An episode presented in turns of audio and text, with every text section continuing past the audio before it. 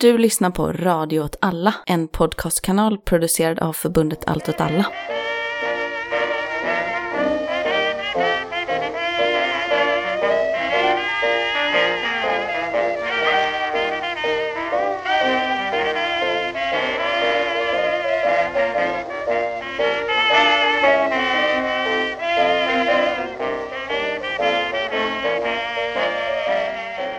Välkomna till Vad händer Gbg? En podd om kommunalpolitik i Göteborg från ett vänsterperspektiv.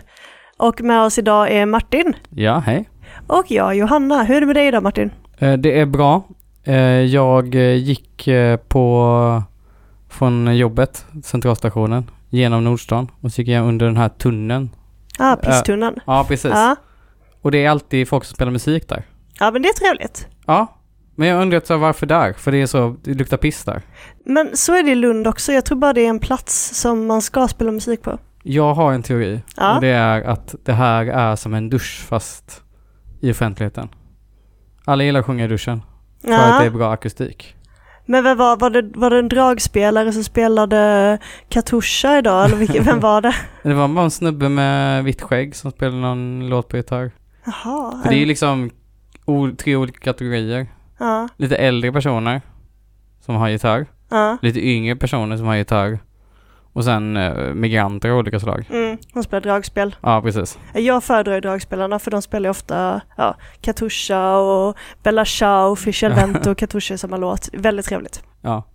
Ja, jag har ju också varit på Nordstan idag. Ja, Jag besökte Agoran, mötesplatsen, torget, valtorget på Nordstan idag. kallas den här gården? Nej, jag tänkte mest att det var någon slags plats. Det ska vara en plats för demokrati och liksom samtal och utbyte. Men det är också femmanhuset liksom. det, det är vår version av Atens Ja, liksom, torg exakt. för de fria männen. Så det var ju intressant. Men Mm. eh, vi har ju faktiskt eh, i ett annat sammanhang träffat politiker. Ja, det har vi. Vi hade besök i lördags.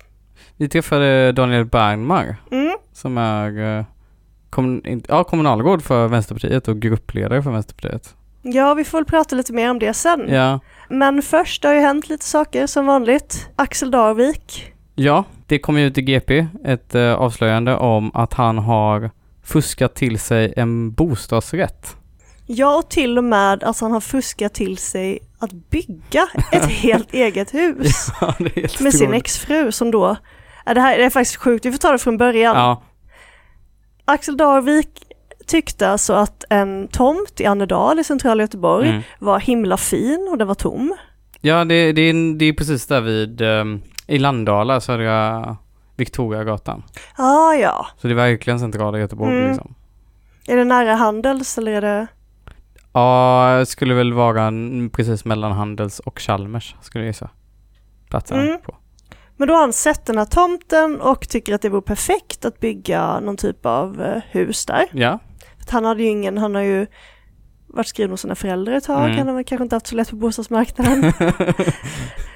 Eh, han behövde ju någonstans att bo han behövde någonstans att bo och då behöver han uppvakta byggnadsnämnden Ja.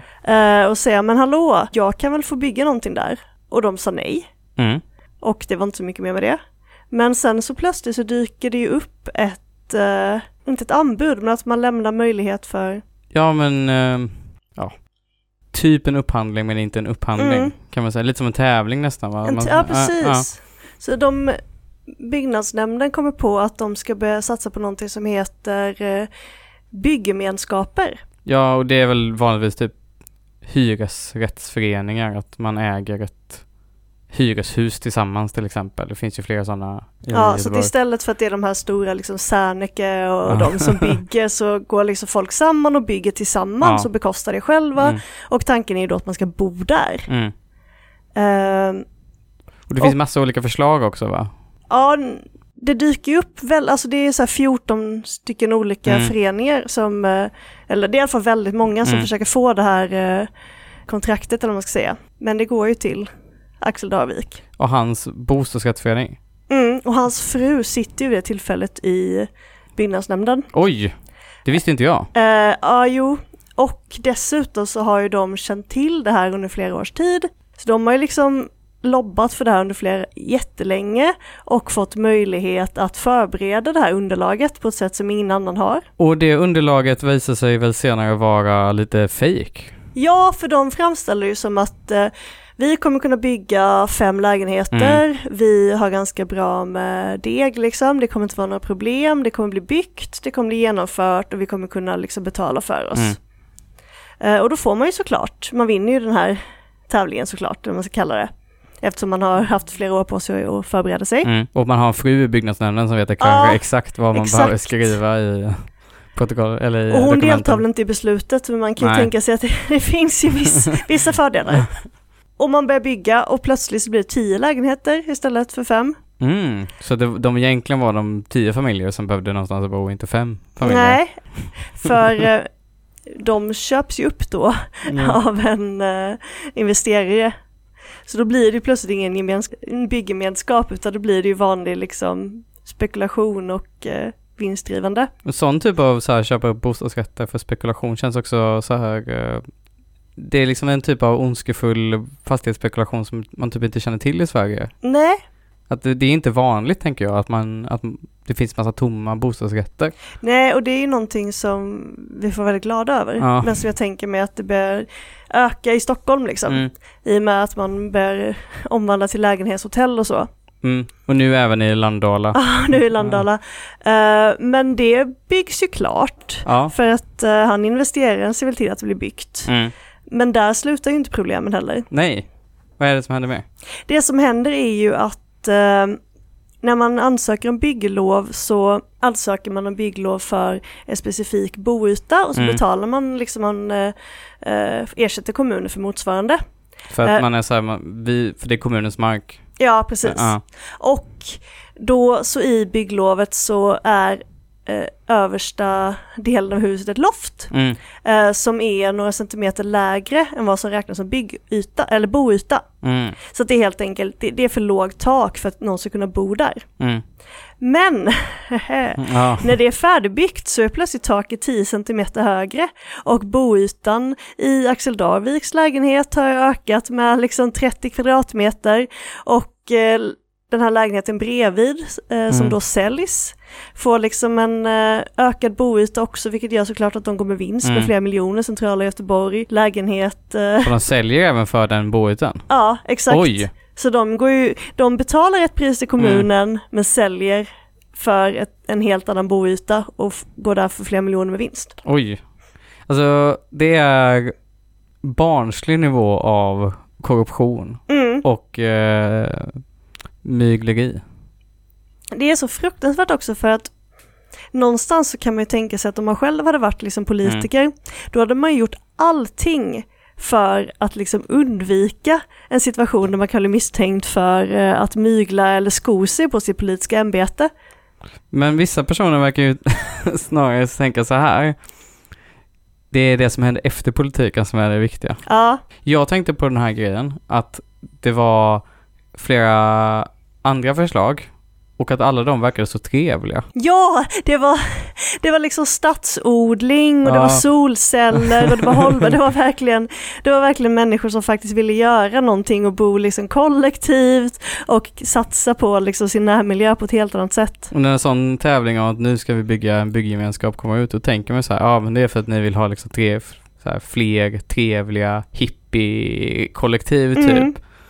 Men så, ja. Ja, det tål ju att påpekas, vilket gör det här extra Ja. misstänkt, att den här satsningen på byggemenskaper det var första och enda gången det prövades. Så att det är ju väldigt tydligt att det här är ett upplägg som de har konstruerat utifrån idén att Axel Davik ska kunna vinna upphandlingen. Ja. Men det är ändå, han har ändå fina vänner som också vill att han ska kunna flytta från sina föräldrar. Mm, han är gift med någon annan nu också så att, eh, Oj, pinsamt. Ja. Vän av ordning. Ja, det var ju fastighetsnämnden då, inte byggnadsnämnden. Mm. Kommunvalet i Göteborg. Kräftor och falukorv. Den malmska valen. Martin Wannholt har delgivits misstanke om ekonomisk brottslighet. Jättekul är det. Det är ju jättekul här ute. Ja, Johanna, vad har du gjort idag? Ja, förutom att jobba och sådana tråkiga saker så Mm. gled jag ju också ned till Nordstan för Mm. att jag upptäckt att det kommer väldigt mycket politiker ut i Nordstan. Och det ser man ju inte annars. Nej, det gör man inte. Eh, så då tänkte jag att det är något fuffens som pågår här inne. Och mycket riktigt så hittade jag då Valtorget. ja. Och där står alla partier i kommunfullmäktige representerade eh, och ska då tala med väljarna. Det var lite svårt att eh, komma fram till politikerna eh, för att Göteborgs alla tonåringar har väl fått ungefär samma skoluppgift nu. Men jag bestämde mig i alla fall för att fråga vad, vilka de tyckte var de viktigaste valfrågorna i Ah. Göteborg och om de hade några vallöften. Intressant. Ja, eh, först kom jag fram till Socialdemokraterna. Mm. Frågade jag, vad är er viktigaste valfråga? Så fick jag, hörde lite mummel om, Ah. ja men det, det måste bort från gatorna, det är, man ska ju inte behöva vara rädd för att dö. Tänkte Vänta. jag. Var det sossarna som sa det? Ja, precis, tänkte jag, jaha, eh, elsparkcyklarna då? nej, nej, nej, det, det är skjutningarna. Man ska, inte, man ska inte behöva vara rädd och bli skjuten och få ett skott i sig när man går på gatan. Han kanske syftar på den här ehm, ganska tragiska tjackisen som råkade skjuta en eh, kvinna på vagnen. Ja, det skulle det ju kunna vara. Ja. Lite svårt att se vad politikerna kan göra åt det dock. Ja, jag blev lite förvånad. Alltså jag förstår att det är svårt att fylla liksom eh, platserna så Mm. vi har någon som hela tiden bemannar bordet i Nordstan. Men det här var väl för att vara liksom Göteborgs största parti så var det väl ingen imponerande insats. Eh, så jag gick då vidare till Demokraterna Mm. eh, och pratade med en väldigt, väldigt trevlig kvinna faktiskt. Ja. Eh, som sa att eh, vi driver ju inte Västlänken längre som största fråga för man vill ju inte vara haverist.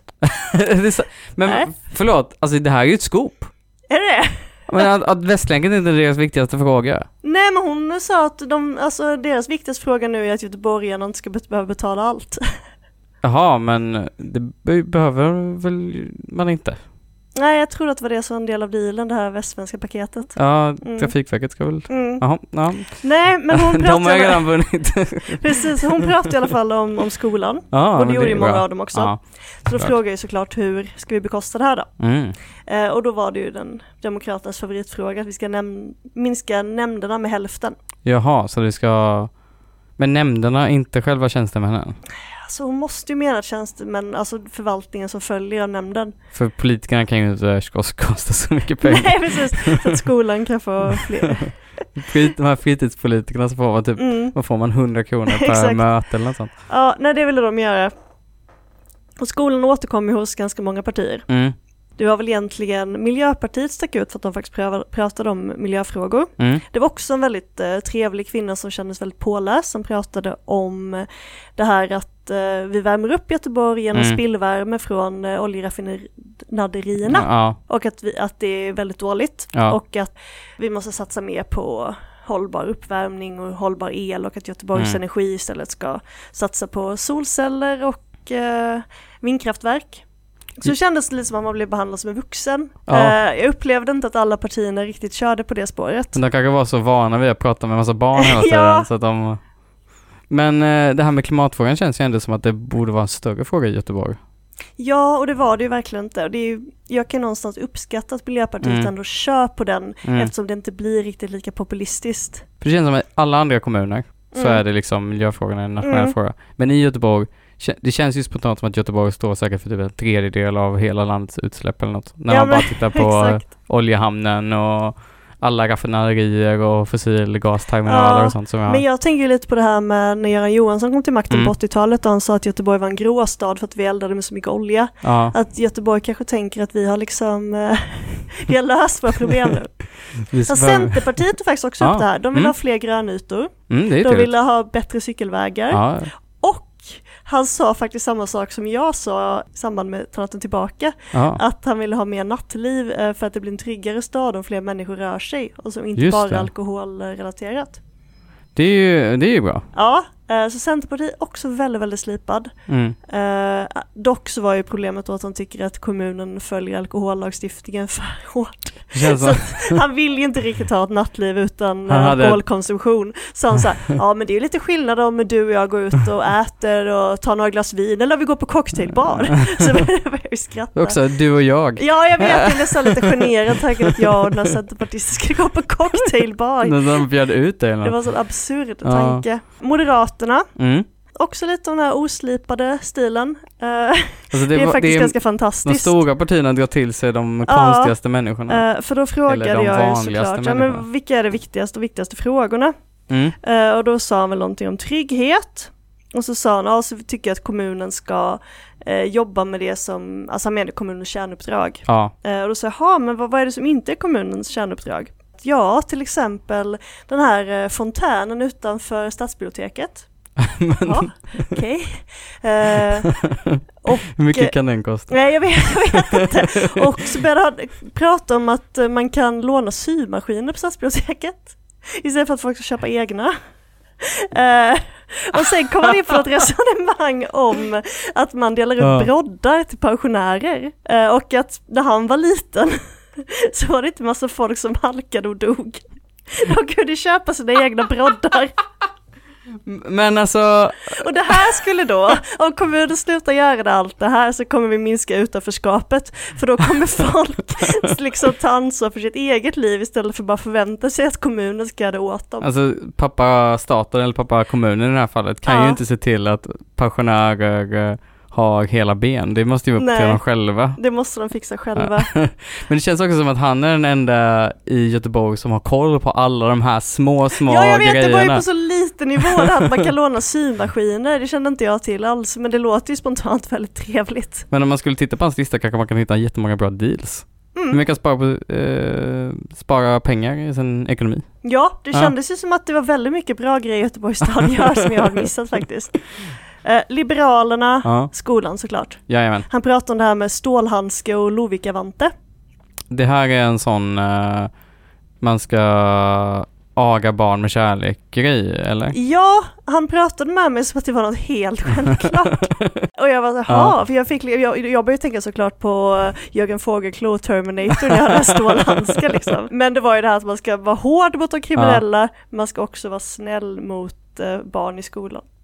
Jaha, men så det här, aha, mm, men, Men jag, liberal, det var väldigt oklart. men Liberalerna är väl de som har gått till val på att man ska vara elak mot barn? Jo, men jag tror att han inte riktigt ville säga att man kunde Nej. använda stålhandsk mot barn, men det var lite det vi pratade om. Ja, För att han ville inte helt... kriminella barn kanske. Mm, kriminella barn. Ja, Eh, och då frågar jag ju såklart, men ja, men vad, bra att ni vill satsa så Ja. mycket på skolan, för de vill ju, ja men du vet, högre Ja. löner i utsatta områden för lärare, fler specialpedagoger. mm. Hur ska vi bekosta det? Då sa han, nej men det vet, det vet jag inte. det får du kolla sen i bud- budgeten, men det är väl någon typ av eh, omfördelning. ja. Tack, tack så mycket. eh, pratade med Fi. ja, just det. De Eh, ställer ju också upp i valet. Ja, hur, varför ska vi rösta på er istället för Vänsterpartiet fråga? Mm. Eh, för de går ju också till val på sex timmars arbetsdag, Ja, mer pengar i vården, bostadspolitiken. Mm. De vill införa en typ av bostadsgaranti för våldsutsatta kvinnor, mm. vilket såklart är positivt, Mm. även om jag lite, är lite svårt att se hur det med nuvarande bostadspolitik ska kunna fungera i praktiken. Mm. Men då sa jag att eh, det som skiljer dem åt är ju intersektionaliteten. Och jag valde att inte fråga mer, för jag vet att det inte finns ett riktigt bra svar på vad det egentligen innebär rent i praktiken. Det känns spontant, men det, det känns hela grejen med Fi att de, de har liksom kommit från ehm, en politisk rörelse som väckte väldigt många viktiga frågor, men som var väldigt svåra att realisera i politik utan Ja. att bara, att det blev vänsterpolitik. Exakt, och de Mm. är ju inte heller, de är ju inte vänster på samma sätt. Nej. Men de har gått lite hårdare ut på senare tid. Mm, Eh, men de kommer inte hela vägen fram, för de är ju inte ett vänsterparti. mm, Och sen så var det såklart Kristdemokraterna. mm. De vill också ha mer pengar till välfärden. Så det vill Det ju alla bra. borgerliga partier. Men, De har gett mindre pengar till välfärden Ja. det här, de, den här mandatperioden. och då var det ju då, det ska ju bekostas Ja. då genom att inte bygga den här eh, arenan som vi pratade om för några avsnitt sedan. Men alltså, De kan, alltså de borgerliga partierna går till val på mer pengar till välfärden, men de kan inte svara på var pengarna ska komma. För de vill ju inte höja skatten nej. och de vill ju inte dra ner liksom på, Eh, ja vad nu borgare gillar. de, de vill inte, jag vet, De vill inte dra ner på ordning, eller de vill ha ordningsvakter också, Ja. de vill ha fler synliga poliser, de vill ha jättemycket fluffverksamhet i förvaltningarna som Mm. bara syftar till att liksom framställa det som att de gör jobb som de Ja. inte gör.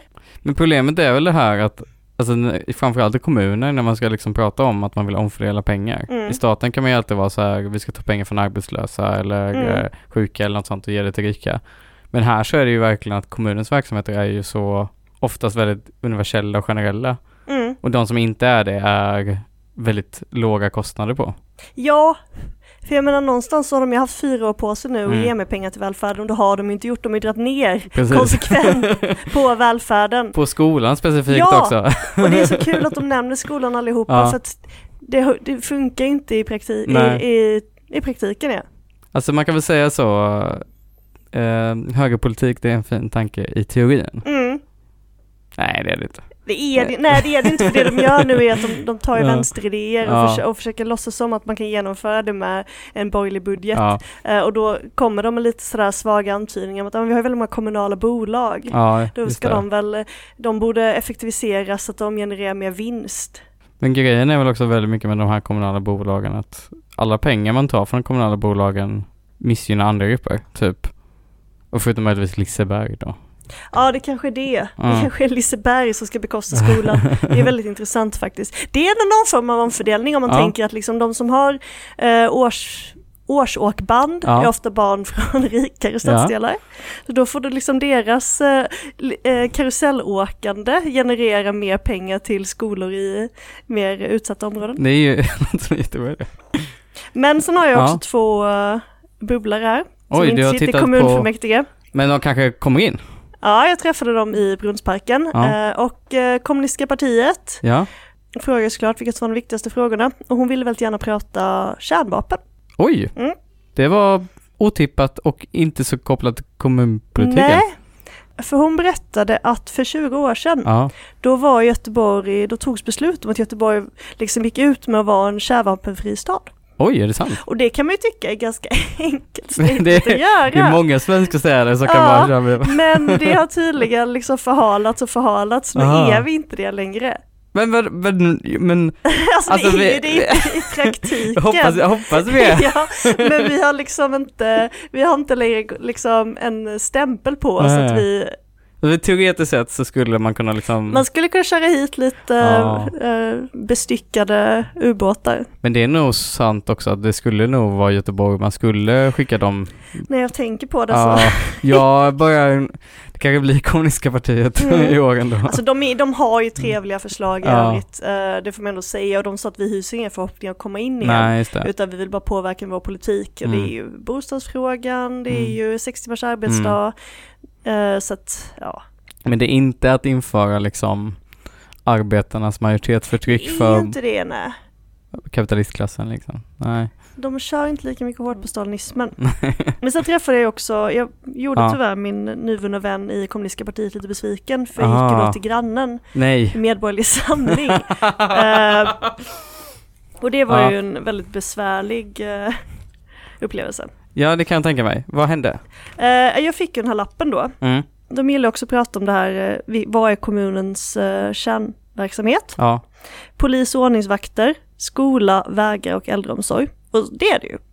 Förutom polis då. Ja, förutom polis som överhuvudtaget inte är kommunens kärnverksamhet. Ja. Men det är däremot inte religiösa föreningar, vuxnas fritidsaktiviteter, hbtq-certifiering och politisk aktivism. Vänta, de skrev att det här, okej men nu, nu definierar de tydligare då, Mm. förutom som den här moderaten vad som inte Ja. kommunen ska syssla med. Och då frågar jag så här, men hur mycket politisk aktivism skulle du säga att eh, kommuner bedriver? Ja. Så ja men det, det är mycket, du, det, det, det märker du väl, det är, det är helt, eh, det är bara propaganda, det är helt manipulerade här liksom. Ja. Jaha, men vad menar du? Ja nej men det, det, är, det är bara så här vänster, eh, vänsteraktivism.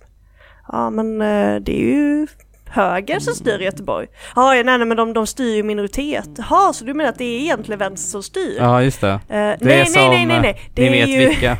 det är ju tjänstemännen. Ah! Ah! Och det var ju, det var ju jobbigt. han var ju, för jag försökte prata lite om skolan med honom Ja. också och då var han väldigt, väldigt fokuserad på det här med eh, att barn blir bussade till andra skolor som inte är nära Just deras det. hem.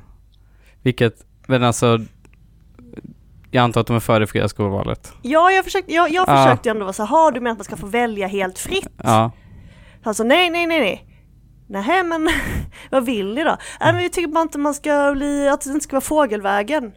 Alltså det var väldigt, väldigt oklart. För- för- ja. För hela argumentet mot bussning det är ju att man tror att det ska vara en integrationsåtgärd. ja fast det här är ju det här med att de menar att barn har eh, blivit bussade för att, eh, alltså det handlar ju om att det fria skolvalet inte funkar. Ja. Så därför så har ju inte alla kunnat få gå på samma skola. Nej, nej. Så har vissa hamnat Nej, nej på skolor som inte är så nära hemmet och som de inte vill gå på. Det är det fria skolvalet inom bland de kommunala Ja, skolorna. Just det. Exakt. Mm.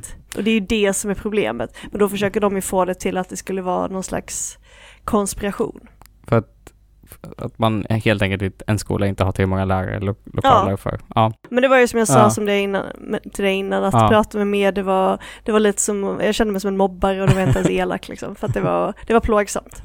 Och det var ju tyvärr plågsamt att prata med. Socialdemokraterna och Moderaterna också. Så till nästa val så skulle jag nog ändå vilja råda partierna att kanske ändå ha en lite bättre utbildning och översikt med vilka det är som ska representera dem. ja. Vilk, vilka var topp tre kompetenta? Det var ju Miljöpartiet, faktiskt Demokraterna och Centerpartiet. Jaha, mm. inte kommunistiska partiet. Nej men de är ju trevliga, jag är ju jag är väldigt, väldigt förtjust i RR, Ja, ofta på grund av deras ålder. ja, Det är lite som man tänker att de liksom, feministerna och gamla gardet där, de kanske var med liksom innan vi ens fick fri abort. just det. Ja, det är ju Ja. något. De är lite, det finns Ja. någonting där Ja. som de ändå har vigt sitt liv Ja. åt som i vissa fall har lett dem helt, helt fel. Ja. Men ibland ändå gjort att de har gjort gott.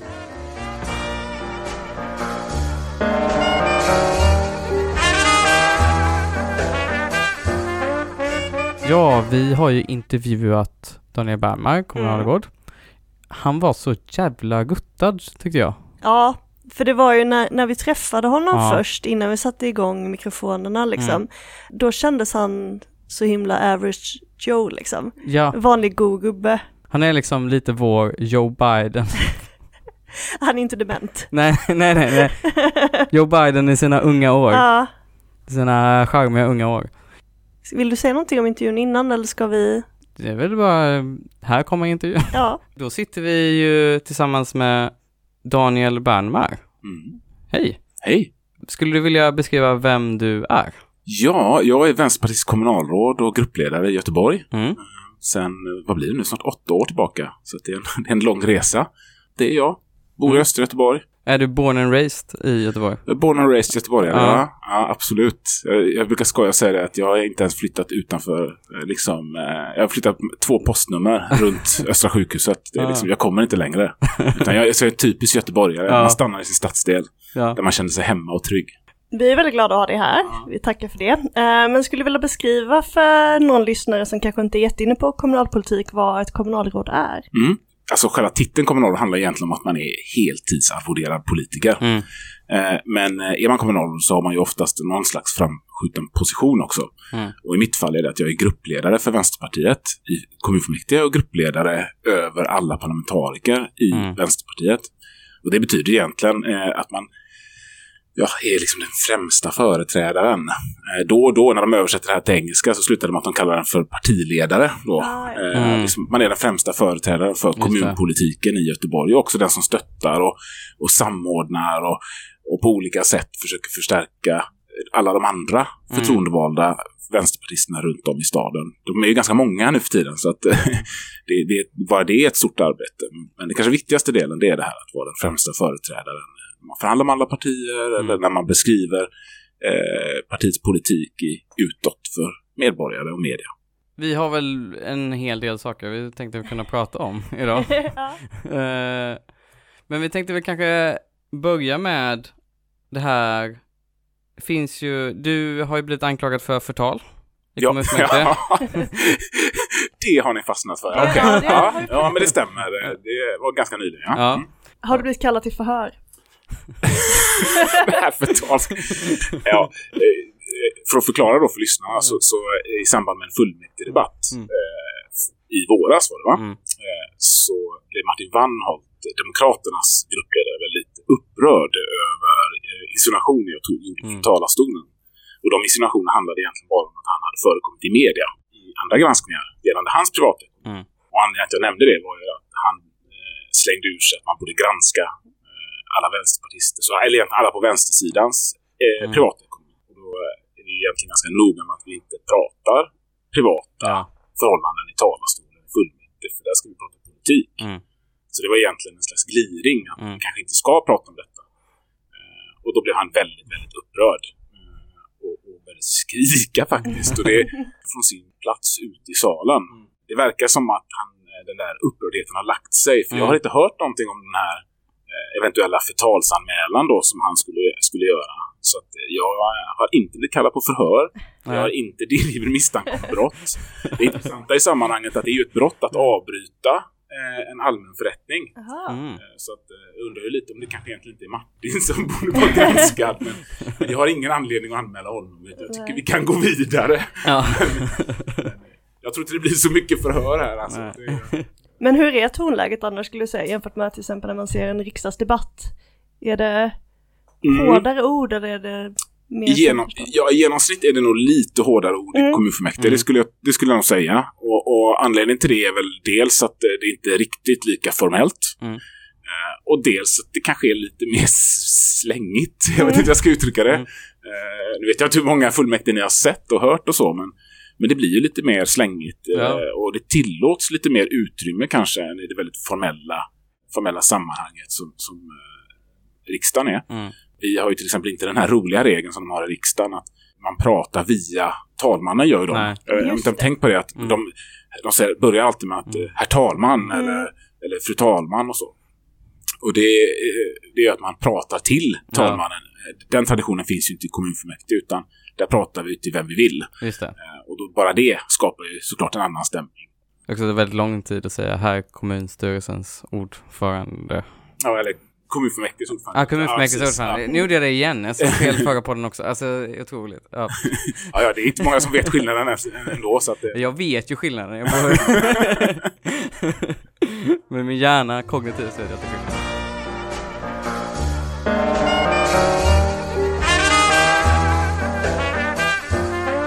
vi tänker på vilken tycker du är den viktigaste frågan i valet i Göteborg just nu? den, eh, det, jag, jag, för mig är den viktigaste frågan välfärden. Mm. Vi har ju sett vad det innebär med högerpolitik i Göteborg den här mandatperioden eh, med kontinuerliga och eh, ganska häftiga nedskärningar i socialtjänsten, i äldreomsorgen som jag jobbar mycket med. Bara 2020 så gjorde man sig av med 600 tjänster i, eh, i äldreomsorgen. Och det är klart, det är inte den utvecklingen som jag tror att göteborgarna vill se. Eh, Socialtjänsten, eh, vi kan bara ta ett exempel eh, i samband med det här polismordet i Biskopsgården så blev det ju väldigt uppenbart när man granskade det ärendet att det här, den som sen dömdes för det är, en, är ett barn som under lång tid har haft stora, stora psy- psykiska och sociala problem. Mm. Och med en förälder som har skrikit på hjälp i åratal för att få hjälp av socialtjänsten och samhället att, eh, att rädda sitt barn undan eh, det våld som finns i Biskopsgården. Och hur det, hur det allmänna då inte har gjort någonting. Och det säger väl ganska mycket om utvecklingen på de områdena, tycker jag. Där, där, så för mig är de sakerna det viktigaste. Att bygga välfärden starkare. Att finansiera den på ett sätt som, som är värdigt och som jag tror göteborgarna eh, förtjänar. Eh, det är inte liksom, de i huvudsak då också ska vi komma ihåg kvinnligt anställda i välfärden som ska bära välfärden på sina axlar utan det är någonting som vi ska göra gemensamt, alla göteborgare. Eh, och det tror jag att de flesta göteborgare vill. Men då krävs det också att man finansierar det och ser till att undersköterskorna har tid. Tid att möta varje, varje person i behov av stöd. Att ge socialsekreterarna verktyg att faktiskt kunna hjälpa, inte bara pressa eller om vi ska vara ärliga då, inte, gör, inte gö- göra de insatser som behövs. Jag tror att det finns många socialsekreterare ute som ser det, som förstår det och som vill ha en förändring. Ja, och nu går det ganska bra för Vänsterpartiet i eh, alla mätningar. Eh, I alla fall den här som är GPM eh, i samarbete med Sifo. Och vi tänker väl också att välfärden är viktig för väljarna. Men vad skulle du säga, vad är det som gör ändå någonstans att Vänsterpartiet lyckas bygga så mycket trovärdighet i frågan som kanske Socialdemokraterna har tappat? Ja, alltså det första tror jag är att de har gjort en högergir sedan ett antal år tillbaka. Det är inte svårare än så. Att om man gör en högergir i en stad där 40-45% av väljarna är vänster och det är väldigt glasklart på det viset, då tror jag att det får konsekvenser. Ehm, Så det tror jag är den viktigaste skillnaden. Nu har ju de på senare år kanske då av eh, någon slags taktiska skäl upptäckt det. Och då försöker de göra någon slags vänstersväng i de ekonomiska, eh, de här materiella eh, frågorna. Samtidigt som de då har gjort ytterligare en högergir kan man säga i de här eh, kulturkrigsfrågorna som uppenbarligen är otroligt intressanta för, för en del av väljarkåren. Vi jobbar ju inte riktigt med den dimensionen utan vi jobbar med grundläggande människovärde och mänskliga rättigheter. Och då tror jag att delar av väljarkåren som inte är engagerade och inte intresserade i att hänga med i den här, vad ska jag kalla det då, den här rasistiska svängen. Mm. Då väljer de att byta parti. Ehm, och det tror jag är ett viktigt skäl också till att det går bra för Vänsterpartiet i Göteborg. Men det tredje och kanske viktigaste eh, skälet på ett sätt att det går bra för oss, det är också att vi har visat att vi kan agera, vi kan göra skillnad och vi kan få igenom förslag som gör skillnad i människors vardag. Inte minst visade vi det förra mandatperioden egentligen. När vi eh, införde gratis simskola för alla barn. När vi eh, gjorde museer gratis. När vi gjorde eh, badhallar gratis för barn. Eh, den typen av saker som vi kan göra. För det är så, en kommun, vi kan inte göra allt i en kommun. Man får komma ihåg det. Kommunens eh, redskap är begränsade.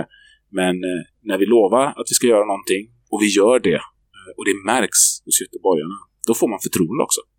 Eh, och det tror jag har varit en viktig del i att bygga ett bredare vänsterparti. Ett vänsterparti som, eh, som göteborgarna känner arbetar för dem. Så. Tror du att ni på något sätt har gagnats av att Socialdemokraterna har reagerat lite tjurigt och vägrat samarbeta med er under den här mandatperioden? Att det gjort att vi har kunnat ta ett steg framåt? Liksom? Ja, det är jättesvårt att svara på. Jag, vet, jag, jag tror väl att många av väljarna har väl kanske inte eh, koll på alla de här, alltså nu, nu är ni väldigt kunniga såklart, jag tror att många av väljarna har kanske inte mm. koll på alla de där svängarna i eh, ja, det politiska spelet mellan partierna. Så att jag, vi fokuserar väldigt lite på det och väldigt mycket på att försöka göra skillnad. Mm. Och sen får det där andra, det, det, det, politiska spelet, det får liksom eh, komma efter. Så, så att vi, eh, jag, jag tror inte att de flesta göteborgare har en så bred uppfattning i de frågorna. Så, utan de ser politiken, de ser vad olika partier slåss för och det är det de går på. Det är i alla fall det jag hoppas. Men om man tittar på er, eh, ert valmanifest, eller vad man ska kalla det, så ser man ju att ni vill investera ganska mycket i många olika områden och så mm, vidare. Mm, mm. Och då tänker man ju sig när man läser det att ni vill också höja skatten i Göteborg. Ja. ja. Och då har ju vi funderat lite på att när man höjer skatten i Göteborg, det är ju en platsskatt. Så det slår ju lika hårt över hela, liksom alla som, alla som har en inkomst eh, lika mycket.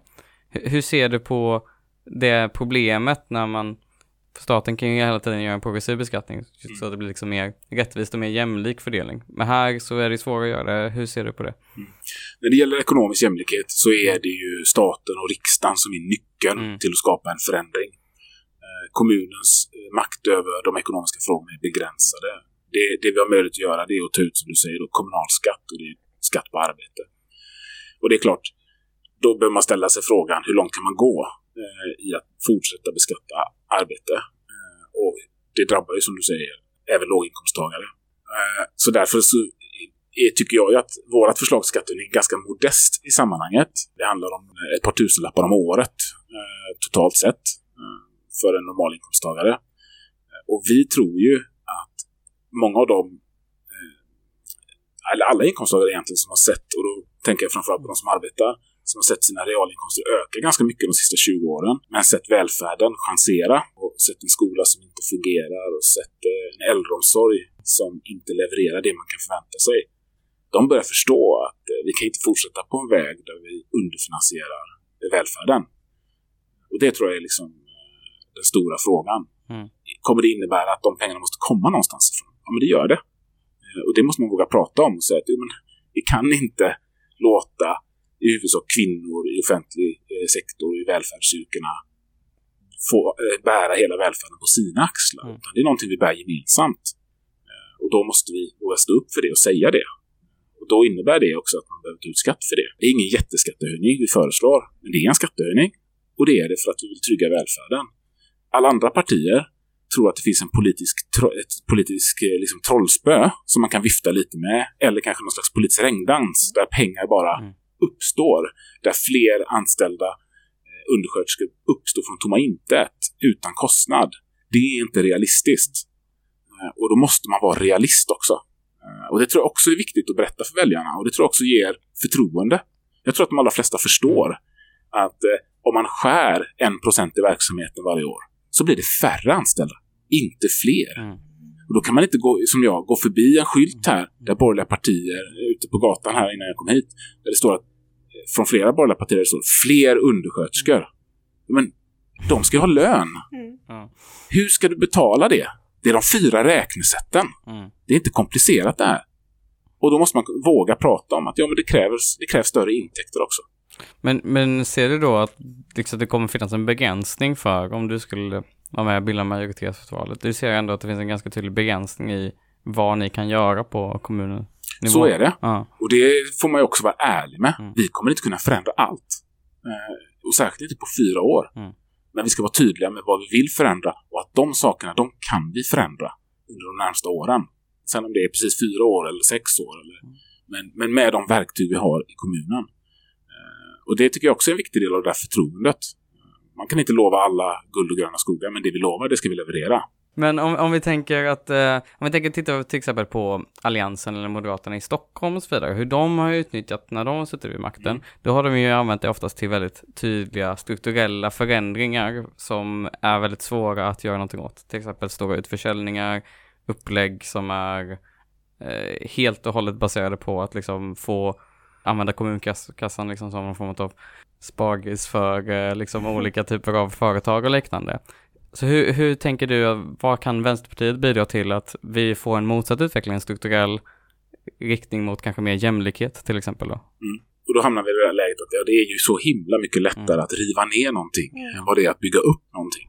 Och det är ju en eh, frustration som jag tror att många vänstermänniskor har känt under årtionden. Men jag tror också att det, det man kan göra eh, det är ändå att bygga in strukturer som gör att göteborgarna förväntar Mm. sig en viss nivå av välfärd och en viss nivå av service. Och det tycker jag vi har lyckats med lite grann i Göteborg ändå. Nu, har de, nu tog ju eh, borgarna ändå makten. Vi har en tydlig högermajoritet Mm. i kommunfullmäktige.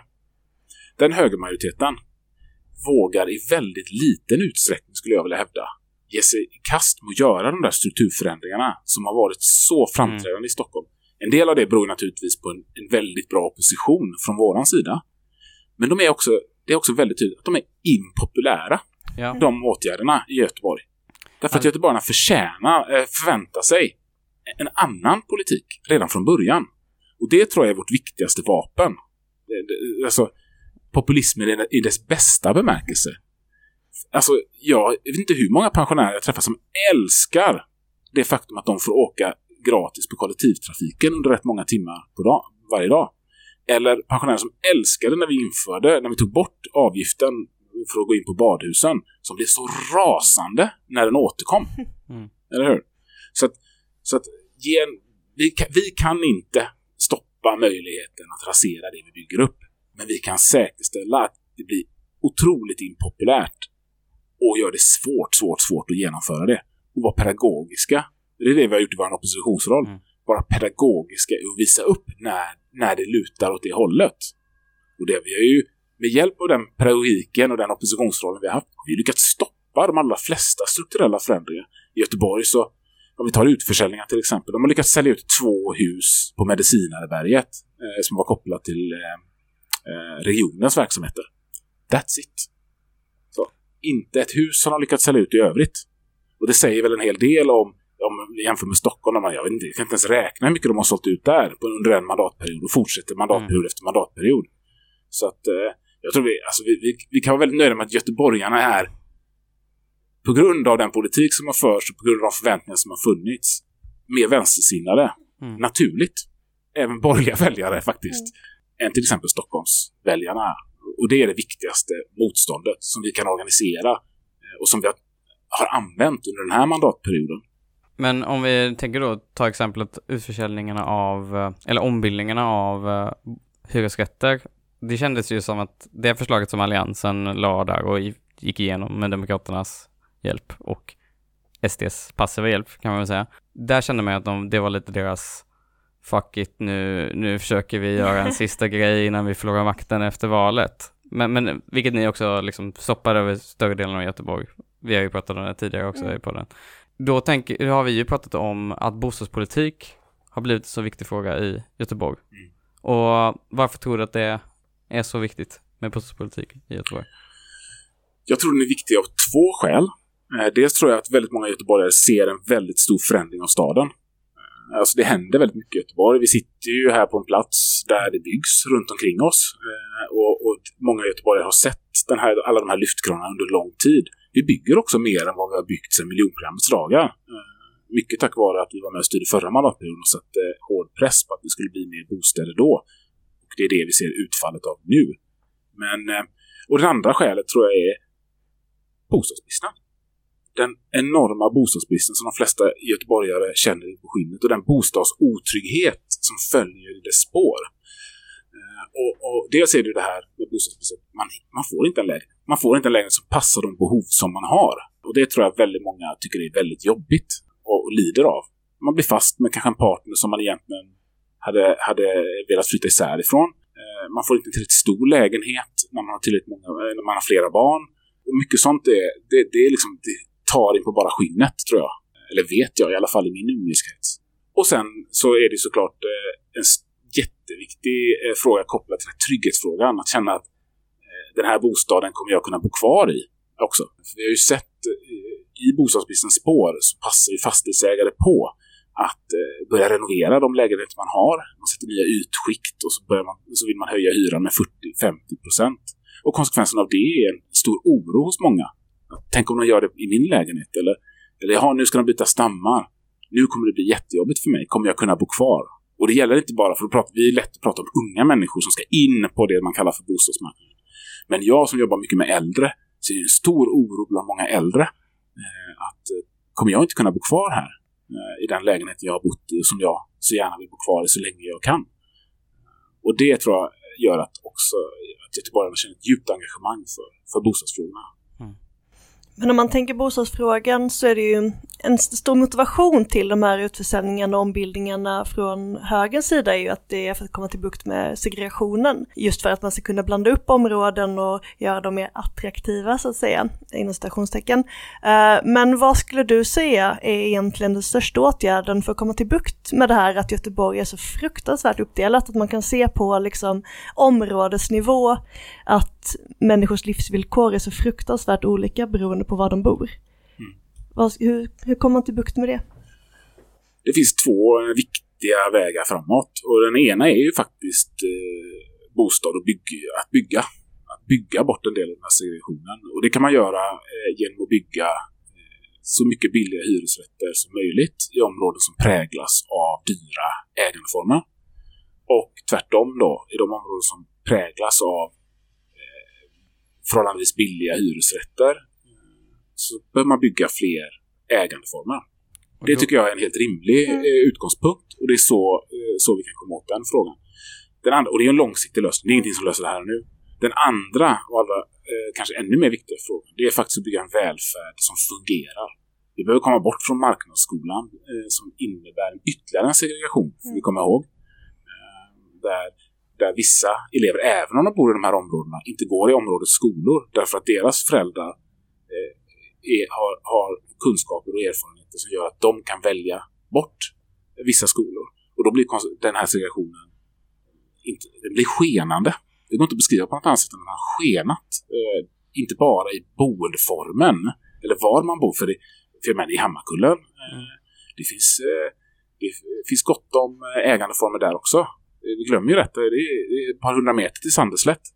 Och, och där bor människor med ganska förhållandevis höga inkomster och förhållandevis goda eh, överhuvudtaget socioekonomiska förhållanden. Men samhället är uppdelat även där.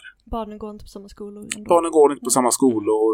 Eh, det blir liksom ett A och ett B-lag även i, våra, i de här områdena. Så det räcker inte med att bygga bort det. Och det vet vi ju från förr också i de mindre samhällena där jag växte upp. Det var många i det området som jag växte upp i, det hyresrättsområdet, eh, som upplevde att barnen på andra sidan bäcken, för så såg det ut, det var uppdelningen, på andra sidan bäcken, de fick inte leka med oss som bodde i hyresrättsområdet. För de bodde i de lite finare villorna. Så att det, det samhället har vi egentligen alltid haft. Det har bara eh, blivit extremare. Mycket extremare. Ehm, så att det räcker inte riktigt med boendefrågan utan att bygga välfärden på ett sätt så att det naturligt integrerar istället för tvärtom som det är idag. Men om vi håller oss kvar lite vid bostadspolitiken, eh, byggandet liksom. Ni vill ha ett kommunalt bostadsbolag? Byggbolag, ja. Byggbolag, byggbolag menar jag. Mm. Kommunala bostadsbolag har vi det gott om. har vi gott om. Ja. Men ett, ni vill ha ett kommunalt byggbolag. Ja. Vad kommer det lösa för problem, tänker ni? Det kommer lösa så här. Vi har ju ett, idag ett byggherrebolag eh, då, som då beställer byggnation från den oligopolmarknad som byggmarknaden är. Eh, ofta då från väldigt stora bolag som dessutom i sin tur använder olika typer av underentreprenörer som i sin tur använder olika typer av underentreprenörer. Och det vi vet är att de här väldigt stora bolagen, de tjänar sjukt mycket pengar. De har vinstmarginaler som eh, många andra branscher bara kan drömma om. Och det har de ju därför att det är en oligopolmarknad. Några få stora som i praktiken bestämmer förutsättningarna. Och längst ner så utnyttjar man arbetare ofta från Östeuropa. Eh, och en sån situation så kan vi inte ha. Vi kan inte ha den moraliska situationen att vi har en byggmarknad där en stor eh, grupp eh, arbetare utnyttjas, ofta då från andra länder. Och vi kan inte heller ha en situation där väldigt stora företag tar extremt höga vinster för att, för att driva igenom eh, olika byggprojekt. Enda sättet som jag kan komma på nu, det är att det offentliga går in och är en konkurrent på den marknaden. Så syftet är också att driva ner själva vinstmarginalen hos de andra bolagen. Vilket ju innebär, precis, vilket ju innebär lägre kostnader när vi bygger. För att de största problemen vi har i, på byggmarknaden i Sverige, det är att det är otroligt dyrt att bygga i Sverige.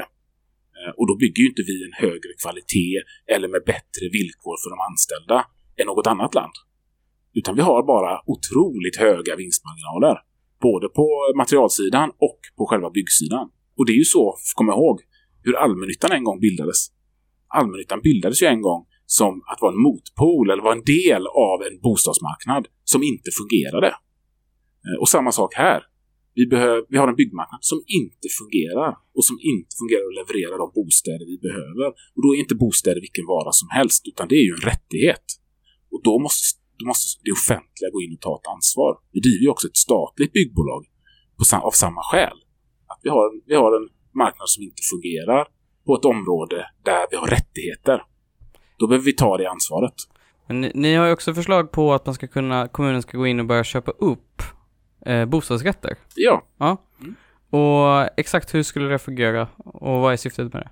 Ja, det, då är det så här att nu håller ju marknaden på att gå, ut, gå ur ägande, gå äga, ägandeformerna helt enkelt därför att räntan går upp och ekonomin ser mörkare ut eh, på många sätt och det kommer drabba drabba privatpersoner och då går priserna ner på bostadsmarknaden. Och då är det ju så att vi har ju en stor grupp människor som är, vars största och enda egentligen sociala problem det är att de inte får en bostad. Eh, och idag vall... Ja, hur ska man beskriva det? Vi puttar runt de här människorna eh, i det som kallas för nödbestånd på vandrarhem. Vecka efter, vecka, veckovis får man då ansöka om får jag bo kvar här med mina barn en vecka till.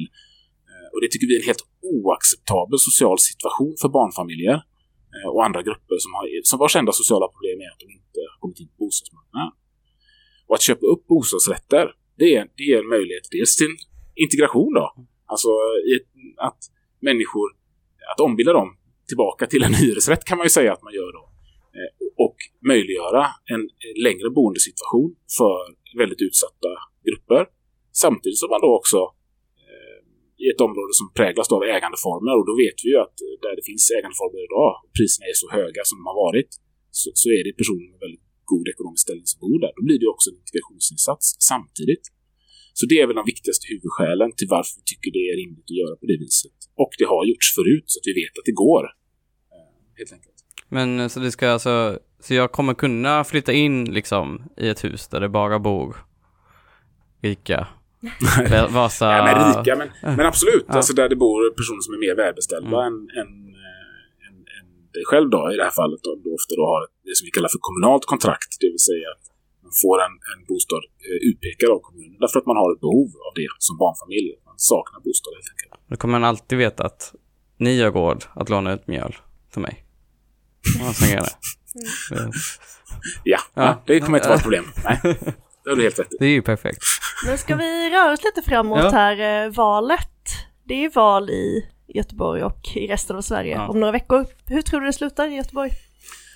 Alltså det där ska man ju inte spekulera i. Som, alltså det är ju verkligen... eh, Gissade. Eh, Jag hoppas ju verkligen på en, på en eh, vänsterseger. Sen har det blivit väldigt tydligt att det är ju bara om man röstar på Vänsterpartiet som man kan vara helt säker på en vänsterseger i Göteborg. För Socialdemokraterna har ju sagt att de är beredda att samarbeta med alla partier Ja. Eh, utom SD. Och det är klart, det är lite oroväckande ändå. För jag hoppas ju att vi får en eh, vänstermajoritet då. Eh, det tror jag är, det behöver Göteborg efter de här åren. Och eh, jag tror också att göteborgarna vill ha det helt enkelt. Vad ser du för möjliga koalition, koalitioner Mm. efter valet då för er?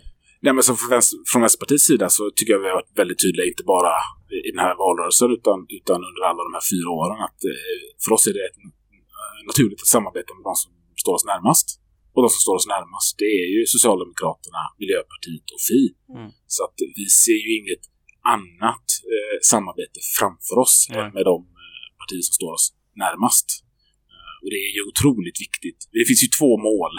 Det ena målet är ju såklart att få en vänstermajoritet och därmed eh, liksom bryta den här utvecklingen av en välfärd som blir allt sämre. Eh, bryta eh, den utveckling som innebär att vi har stor bostadsbrist. Men eh, det finns ett annat mål och det målet är ju såklart att eh, säkerställa att Sverigedemokraterna fortsatt hålls utanför Mm. inflytande också. Det är också en viktig liksom, eh, faktor för att säkerställa att vi får ett Göteborg som, eh, som är till för alla. Är det möjligt för er att till exempel försöka bilda en minoritetsstyre med de rödgröna? Mot förmodan då att Alliansen, SD och Demokraterna inte lyckas bilda en majoritet ihop. Ja, så vi var ju väldigt tydliga redan då efter valet 2018 att eh, vi såg den möjligheten. Och då valde ju Socialdemokraterna att tacka nej till den inbjudan. Dörren stod öppen för ett minoritetsstyre. Vi hade ju haft ett minoritetsstyre mandatperioden innan, ska vi komma ihåg. Vi, hade, vi var ett mandat ifrån eh, majoritet i fullmäktige. Eh, Så, så vi har ju gjort den resan en gång. Eh, Och, och vi kanske inte fick så mycket politik igenom som vi hade önskat. Vi, man fick en del motgångar såklart.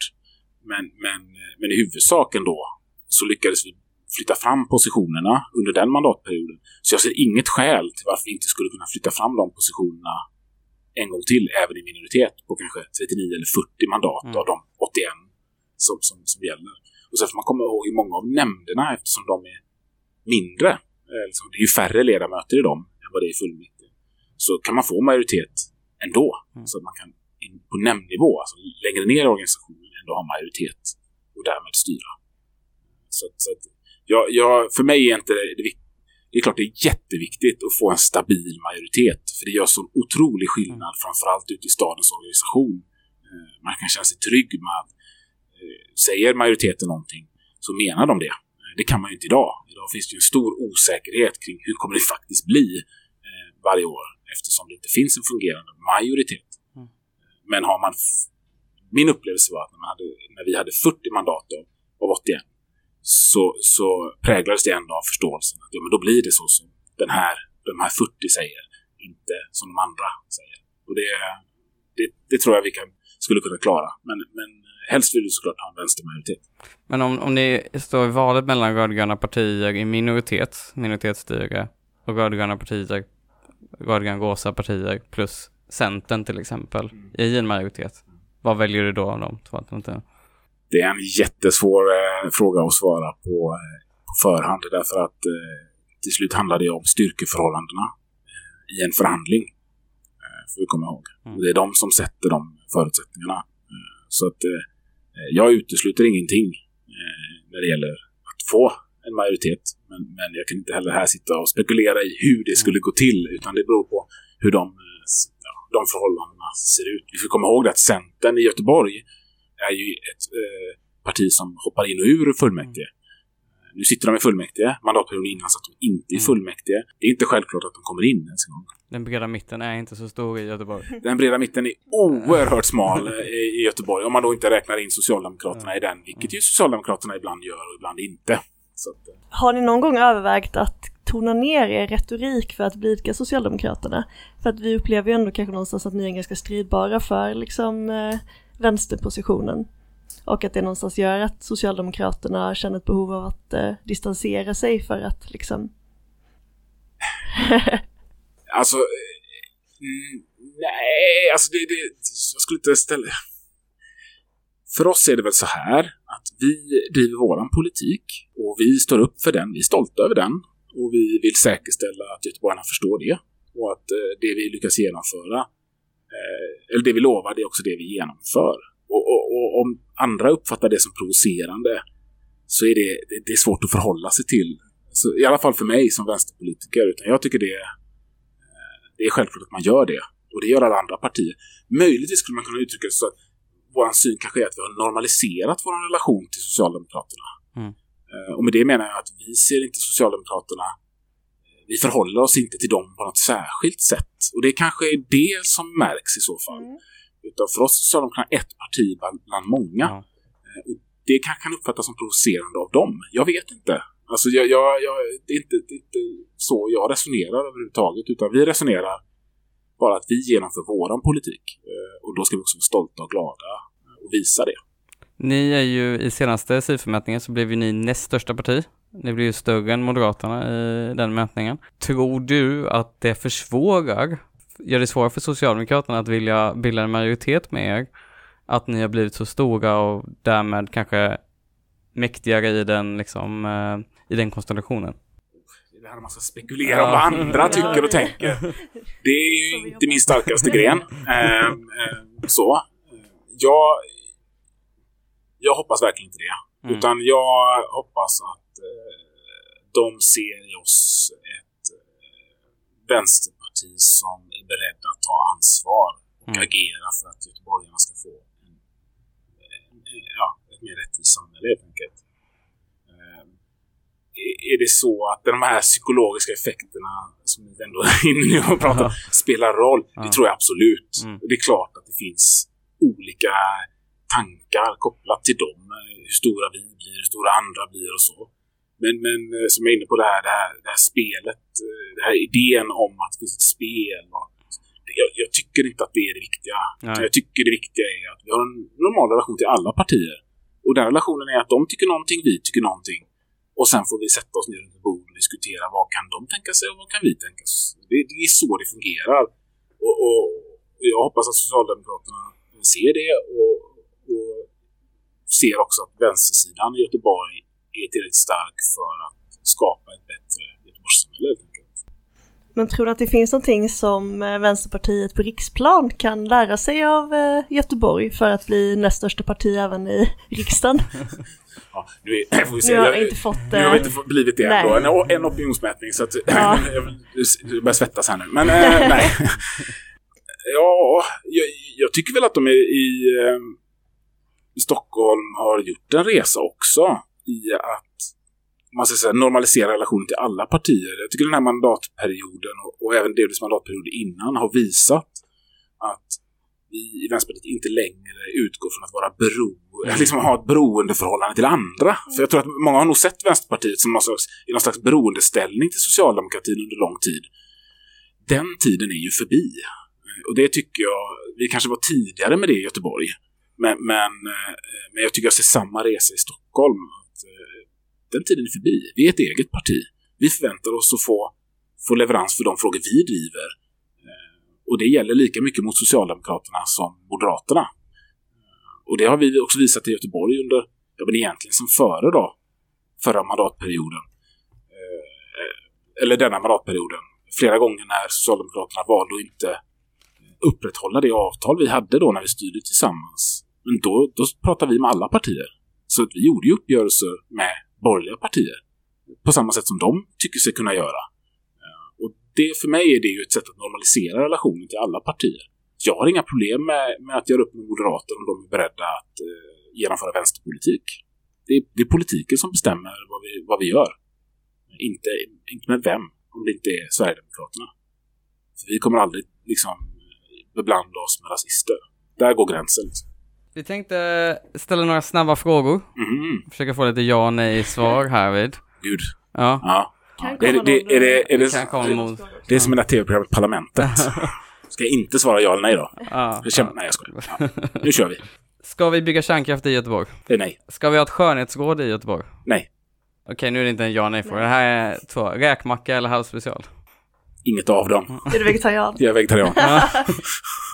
Ska vi ha gratis kollektivtrafik i Göteborg? Ja. Ja, Ni vill ju driva en, eh, en halvering av eh, kortet i Göteborg. Eh, Ska vi ta det lite längre så är Ja. det så här, ja. Vi, målet måste ju vara att vi kan resa klimatsmart och jämlikt. Och enda sättet att göra det, det är att ha en väl utbyggd kollektivtrafik och att den på lång, lite längre fram kommer att vara tillgänglig för alla, alltså gratis. Mm. Sen är det så att det är ju alltid en resa och man behöver visa på fördelarna för fler. Kommer ni ihåg att jag pratade om det tidigare, det här att göteborgarna har lite annat sinne. De är mer vänstersinnade i grunden därför att de är vana vid att eh, se vänsterreformer, så som till exempel att pensionärerna under vissa tider får åka gratis kollektivtrafik. Så våran eh, idé är ganska enkel. Vi vill visa på de här fördelarna och flytta fram positionerna för att till exempel möjliggöra gratis kollektivtrafik längre fram. Mm. Och då är ett första steg för oss, det är ju att halvera priset på månadskortet. Vi får komma månadskortet har gått upp 80, över 80 procent sedan 2009. Långt över konsumentprisindex, långt mer än alla andra priser och varor som vi handlar. Eh, så att utvecklingen har ju gått åt fel håll. Eh, och då är vårt förslag, att, och som vi går till val på, det är ju att halvera priset på månadskortet istället. För att visa göteborgarna att det går att göra detta. Den, den finansieringsdelen, eh, alltså den ekonomiska finansieringsdelen från månadsavgiften, eller från månadskortet, den är ganska liten. Det går, det går att med skatten omfördela pengar för att skapa möjligheten att göra billigare kollektivtrafik. Så man får ta steg för steg. På de här fyra åren kan vi inte göra den gratis, men vi kan definitivt göra den billigare istället för att fortsätta den här resan med allt dyrare kollektivtrafik. Och det är någonting ni vill göra genom kommunen? Ja, och då kan man genom kommunen eh, köpa. Eh, och det är så vi har pensionärskortet eh, och skolkorten för skolungdomar. Det är ju att vi köper den, den tjänsten så att säga av regionen som egentligen är de som sköter kollektivtrafiken. Och då kan vi ju eh, köpa den subventionen blir det då av månadskortet. Det gjorde vi ju tidigare, men, men borgarna avskaffade ju det. Ska vi ha frysa hyrorna i Göteborg? Eh, vi har föreslagit det eh, under corona. Det kan bli aktuellt igen eh, med tanke på prisutvecklingen i samhället att, eh, att göra det. Eh, vi har ju ett kommunalt bostadsbolag, bostadsbolag kluster så att säga, för flera bolag som är, ganska, som är väldigt rikt om vi ska vara jämfört med andra eh, bostadsbolag. Man har ansamlat en ansenlig mängd kapital. Det är klart att en del av den eh, skulle kunna gå till att tillfälligt frysa hyrorna för att eh, säkerställa att eh, göteborgarnas ekonomi i svåra tider. Men ja, det är inte helt självklart att det är det, den vägen man ska gå tycker jag. Man ska använda de pengarna. Vi vill ju också bygga mer bostäder och bygga billigt. Och då kan de pengarna behövas till det. Men vi föreslog det under pandemin och det kan bli aktuellt igen. Mm. Ska vi bygga en halv special på Vågmästarplatsen? En staty alltså. Eh, Som Socialdemokraterna har föreslagit. Ja, det, det, jag, jag tycker väl om jag ska vara ärlig att det kanske inte var det mest fantastiska förslaget. Jag är som vegetarian och så. Men, men, men eh, det, det är inte, och det, jag är glad att det inte är upp till mig att bestämma vilken konst det blir i Göteborg. Eh, däremot så tycker jag det är bra att konst, den offentliga konst vi gör hamnar så nära göteborgarna som möjligt. Så att eh, mer offentlig konst till de lokala torgen tycker jag är jätteviktigt. Men köper du Halv special som en viktig symbol för Göteborg? För det var ju bland annat det som serverades i Bamba under 400-årsjubileet. Nej, det gör jag verkligen inte. Nej. Jag som göteborgare, som född och uppvuxen här, jag känner inte alls igen det. Nej. Utan eh, om jag ska vara ärlig så var det till och med så, var det så när sossarnas eh, representanter föreslog hans special så hade jag skrivit på mig på en motion som handlade om falafel. Så att jag vet inte. Det är kanske lite mer Malmö dock, eller? Äh, no. Vi tycker inte vi ska vara sådana. Utan, Falafeln i eh, Göteborg är undermålig, men. Kanske en sista fråga då. Och det är, skulle du vara intresserad av att investera eh, några miljoner i teakträd i Brasilien? nej. Nej. Nej. Lyckligtvis har jag inga miljoner heller så jag behöver inte ens fundera. Men, eh, men eh, Alltså du kan få ett, alltså, marginal på tusen procent här, jag lovar dig. jag har jag, jag hört känner en kille som, att några körde den, eh, den säljidén där. Mm. Att, och att det gick väl sådär va? Ja. Hörde jag. Men jag tänker sex timmars arbetsdag. Mm. Det är ändå någonting som du varit ganska profilerad i. Ja. Både sex timmars arbetsdag och eh, gratis kollektivtrafik är ju ändå ganska, det är ändå reformer som liksom tar, flyttar fram positionerna. Mm. Samtidigt så är vi i en situation nu av ekonomisk kris. Mm. Eh, hur gör man som liksom vänsterkraft för att inte bara skydda eller ta tillbaka det man haft utan faktiskt också röra sig framåt? Och hur motiverar man det för väljarna? Det där är en jättebra fråga, men jag har inget bra svar på det. För jag, jag, jag, jag kan inte... Jag menar... Vi, jag skulle aldrig backa bara för att det är ekonomisk kris. Ekonomisk kris är väl en utmärkt punkt för förändring. Eh, För att skapa ett samhälle. Ja, men vi tar till sex timmars arbetsdag till exempel. Jo, men om vi ser att arbetslösheten går upp. Det finns väl inget bättre tillfälle för det offentliga att ta ett kliv framåt och säga ja, men då tar vi ett större ansvar tillsammans. Och då gör vi det genom att skapa rimliga arbetsvillkor i välfärden. Och då är sex timmars arbetsdag den vägen framåt. Och resultatet av det, det blir ju att vi kommer behöva ännu mer arbetskraft i offentlig sektor. Och därmed minskar vi ju arbetslösheten. För vi får komma ihåg att arbetslöshet har en stor, inte bara känslomässig och, och, och social kostnad, utan en ekonomisk kostnad. Så att jag, jag ja, jag förstår att många, eh, liksom andra partier, om man köper den, den, den bilden av hur politisk ekonomi fungerar här och nu, eh, så kan man uppfatta det som nästan provocerande, det jag säger nu. Men, men det är ju så vi har byggt välfärdssamhället. Eh, jag hade ju den kanske då naiva föreställningen att fler partier skulle se nu när vi gick in i pandemin och i den, i, och i den kris som det egentligen har varit för stora delar av samhället under pandemin, att nu kommer folk förstå. Nu kommer fler partier och fler eh, beslutsfattare inse att vi har en välfärd som inte fungerar. Det var naivt, har jag ju insett i efterhand. Eh, utan det var ju bara 2021 de förstod det. Och sen eh, räckte det att se budgeten eh, för borgarna för 2022 så fattade man att okej, de lärde sig ingenting av det här. Eh, men, men jag har lärt mig. Jag har lärt mig att det finns ingen anledning att backa. Utan det är ju bara att ta ett steg framåt. Och säga det här går att göra annorlunda, det här går att göra bättre. Så att jag ser inte det som ett hot, eh, en ekonomisk kris. Utan, utan det är bara ytterligare en punkt där vi kan visa att vänsterpolitik kunde ha gjort det här mycket bättre. Och kan göra det om vi får möjligheten.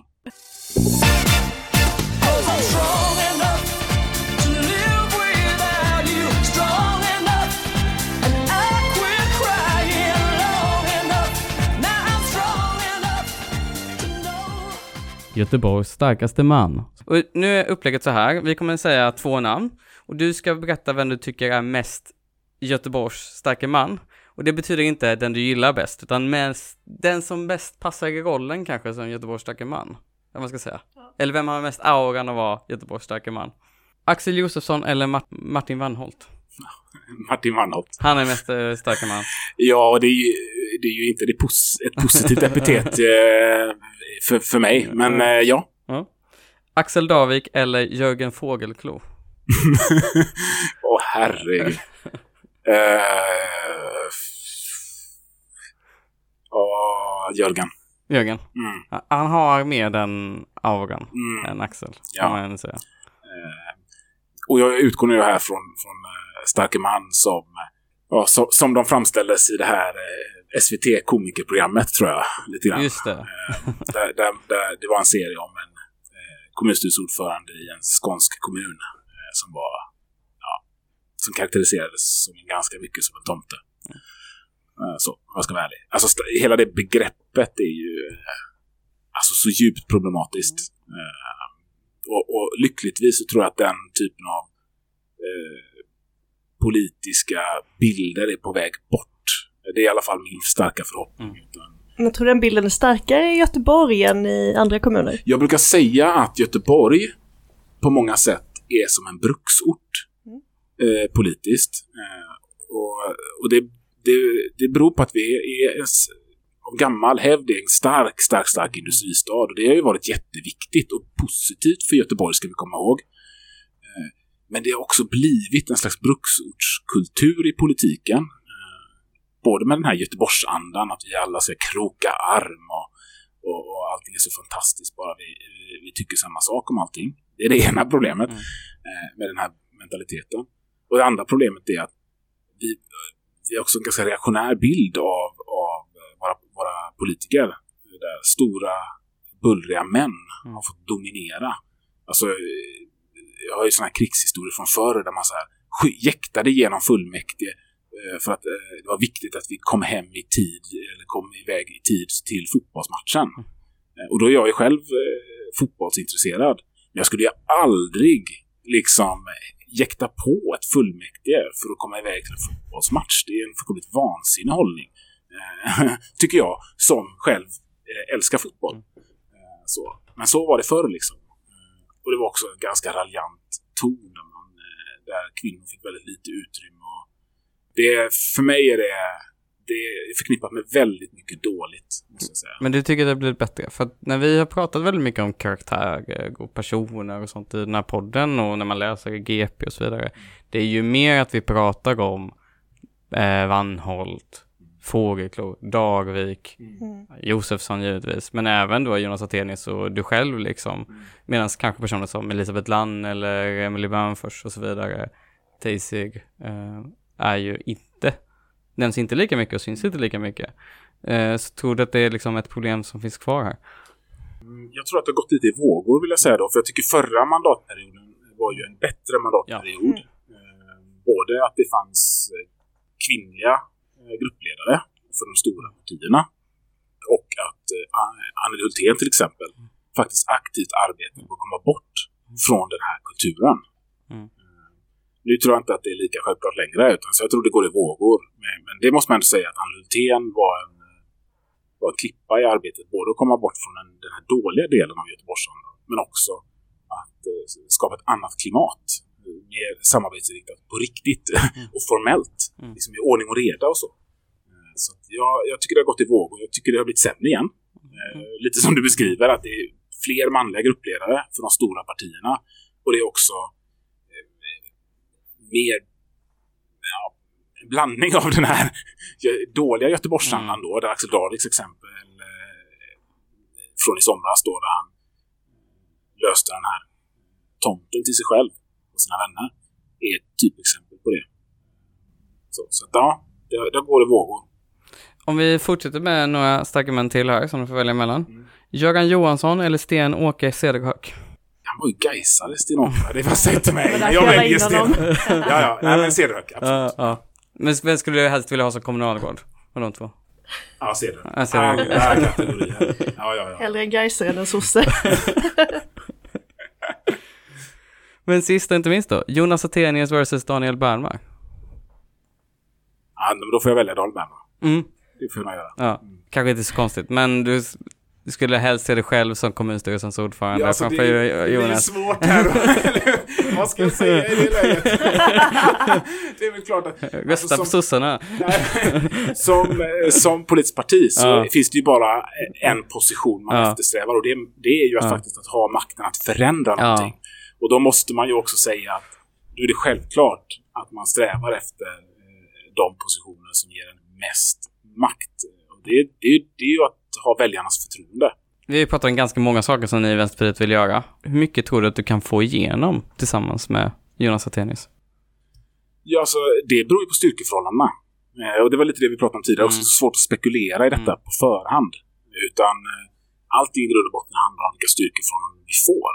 Och, och då får vi komma ihåg att det är bara Vänsterpartiet som tydligt har sagt att vi, vi vill styra med de som står oss närmast politiskt och därmed ha en vänstermajoritet i Göteborg. Eh, Så är man vänsterväljare i Göteborg, då finns det bara ett alternativ idag.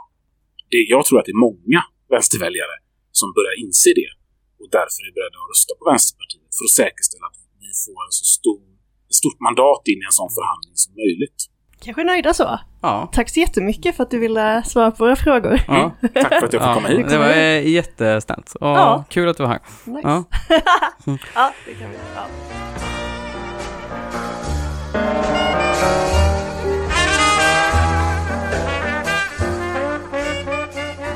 Ska vi köra eftersnack? ja, nu kör vi efter. Ja.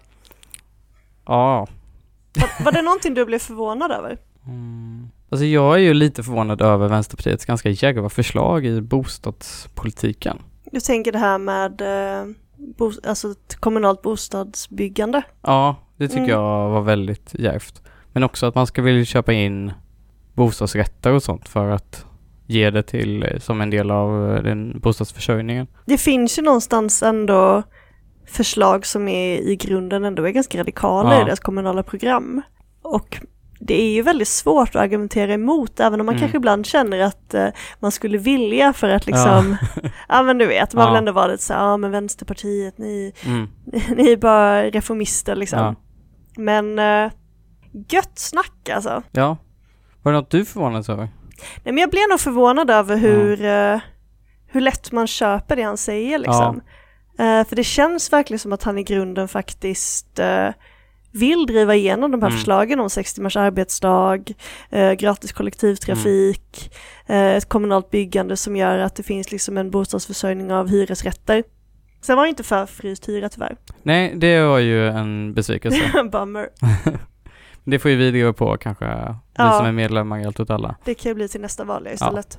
Men jag känner mig nog faktiskt, det här är nog det valet någonsin i mitt liv, alltså i kommunvalet i Göteborg som jag är mest pepp att rösta i. Ja, det här är första gången jag röstar i kommunvalet i Göteborg. Jag är oerhört pepp. Jag har aldrig Ja. varit så pepp på att rösta i ett kommunval. Jag har inte varit så pepp på att rösta i riksdagsval. Alltså jag, alltså jag tycker att om Vänsterpartiet blir näst största parti, det är jag jättepepp på. Ja, jag känner en sån förhoppning inför kommunvalet Mm. som jag överhuvudtaget inte kan göra i riksdagsvalet. Och jag tror att det var lite det jag försökte fråga honom om, men Mm. jag var inte tillräckligt hård. Mm. Det här att det finns ändå en jättestor skillnad mellan hur Vänsterpartiet på riksnivå Mm. har anpassat sina förslag efter Socialdemokraterna och hur man faktiskt inte har gjort det i Göteborg. Nej. Och jag tycker det var väldigt intressant det han sa om att neutralisera relationen till eh, Socialdemokraterna. För det, det slår ändå an en ton hos mig lite det här att inte hela tiden bete sig som liksom eh, lillebror som ska försöka att ställa in sig utan att faktiskt vara, driva liksom självständig politik oavsett vem man samarbetar med. Och tvinga Socialdemokraterna följa efter den Mm. också. Vilket Vänsterpartiet i Göteborg har gjort väldigt, väldigt mycket. Ja, för någonstans så har ju ändå Vänsterpartiet på riksnivå gör ju oss ofta besvikna. Jag tänker på det här Nooshi har sagt nu kring PKK till exempel, att hon inte klarar av att stå upp för liksom eh, ledamöterna som eh, poserade med PKK-flagga. Att Mm. det är så himla mycket spel på riksnivå som man ändå kan komma undan lite på kommunnivå. Mm. Ja, och sen är det upp till bevis att se vad som faktiskt händer i en förhandling med sossarna och Mm. Jonas Attenius. Det vet man ju inte vad, vad det landar i, men då vet vi i alla fall. Vad kan man liksom, vad kan ett starkt vänsterparti göra liksom i en sån koalition? Mm. Ja, och någonstans är det intressant det här med hur man Ja men hur man försöker göra upp den här ekonomismen liksom som Mm. hela tiden finns på riksplan, att allting ska liksom bekostas och det ska finnas liksom Ja det märker vi för sig Mm. från mitt samtal med eh, borgarna i kommunen också att de Mm. har noll intresse av att bekosta sina förslag men det är ändå skönt att komma ifrån det för det blir, Mm. det blir liksom avpolitiserat när man hela tiden bara ska prata om pengar och siffror och det känns betryggande att eh, man inte behöver vara så liksom pragmatisk på kommunal nivå ändå. Sen var ju trevlig i övrigt också. Ja, jag kommer rösta Vänsterpartiet i Göteborg utan tvekan. Ja, jag, jag får se, jag är väldigt eh, sugen på det här med att eh, Göteborg ska vara en kärnvapenfri stad. Nu kommer det här sändas samma vecka som valet. Kommer det? Ja, Oj, vad spännande. tror jag. Det blir väl, ja i alla fall eh, kort inpå, så Mm. vi kommer inte ha något avsnitt innan valet. Nej, Nej, förutom det här. nej precis. Så Så när vi hörs igen så kommer det vara, då kommer vi ha ett valresultat. det kommer vara jättespännande. Och vi kommer, ja, och det kommer vara förhandlingar och ja, se till att ha en rolig valvaka ni som, ni som inte ska jobba för Mm. demokratin. Eh, vill du uh, köra din Twitter eller något sånt? Vet ni ändå ingen som följer mig? Jag tror jag har 130 Ja. följare. Kan få fler. ja, jag Okej. heter Kattvetare på Twitter då. Eh, det är inte så många som följer mig, jag är ganska underskattad men eh, det är ju för att jag vet inte. Jag Ja. gjorde en rolig tweet en gång med Runka Bulle men sen dess så har det gått ut för. Du skriver oftast roliga tweet. Tack. Man kan följa mig på Twitter också. Jag heter at tweetsfranhalet eller Johan Sebastian Laibach. Mm. Och med det sagt så kan vi väl säga hej då kanske. Hej då, Hej. tack så mycket, vi hörs efter valet.